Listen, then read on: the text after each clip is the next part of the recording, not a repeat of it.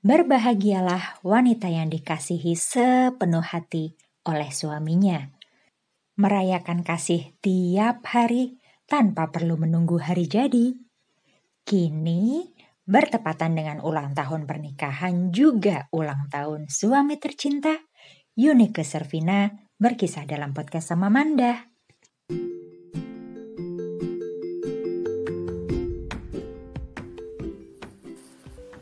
Pak Pendeta bercerita mengenai tradisi hubungan suami istri keluarga Tionghoa di zaman dulu. Pada masa itu, istri tidak bisa memanggil suami dengan sesukanya, tetapi istri harus memanggil suami dengan panggilan "tuan". Kedudukan suami sungguh superior. Hitam putihnya dalam keluarga tersebut sangat ditentukan oleh suami. Bahkan, istri tidak boleh makan saat suami belum pulang sampai ke rumah. Sama saja dengan tradisi hubungan suami istri di lingkungan suku Jawa pada masa lalu. Ada ungkapan Jawa yang mengatakan, Swargo nunut, neroko katut. Artinya, istri itu mau masuk ke surga atau ke neraka sangat tergantung dengan suaminya. Aku menoleh ke arah suamiku. Aku menikah dengan lelaki itu.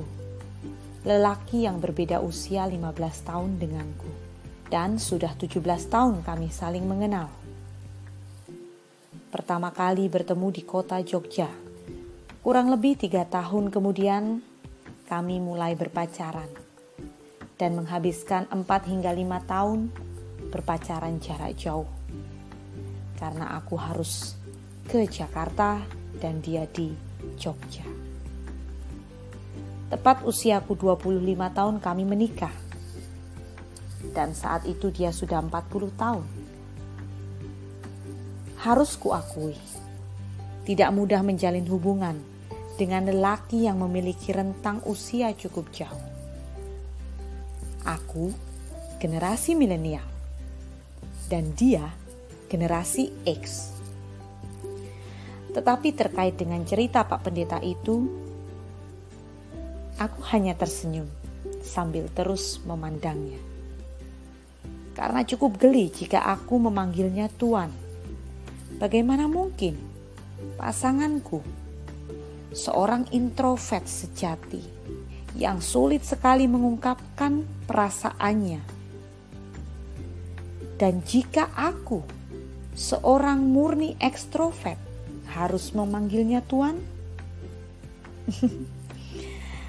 Padahal sehari-harinya aku panggil dia dengan sebutan sayang. Bani. Hey Bani. My honey Bani. Seringnya aku panggil dia dengan sebutan Ni, sini dong. Seakan-akan seumuran. Aku lebih sering makan duluan ketimbang dia.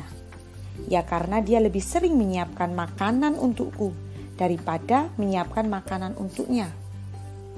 Dia lelaki yang pandai memasak. Lelaki yang sangat lembut hatinya.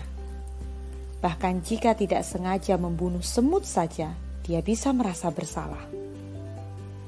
Dia selalu suka menciptakan cerita mengenai istrinya yang terlihat superior dominan, dan bahkan selalu terekspos. Padahal, ibarat layang-layang, dia memiliki kendali untuk layangan itu terbang tinggi dan indah di langit sana. Aku pejamkan mata dan di gereja itu aku berbisik kepada Tuhan. Selamat sore Tuhan yang baik, terima kasih kau pertemukan aku dengannya di waktu ini. Jika memang ada kehidupan sebelumnya, mungkin aku melakukan sesuatu yang betul-betul baik dan mulia. Dengan kemurahan cinta kasihnya, Sang Pemberi Hidup Sejati mempertemukan aku dengannya di masa ini dan bukan di masa lalu.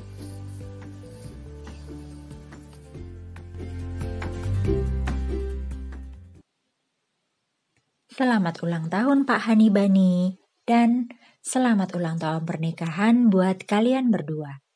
Semoga pernikahan kalian terus jadi saluran berkat dan bagi siapa pun yang menyaksikan cinta kasih antara kalian bisa percaya bahwa keajaiban itu nyata.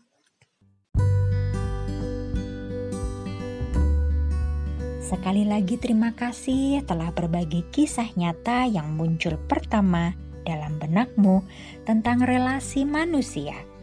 Podcast sama Manda mengajak mengurai rasa menjadi makna.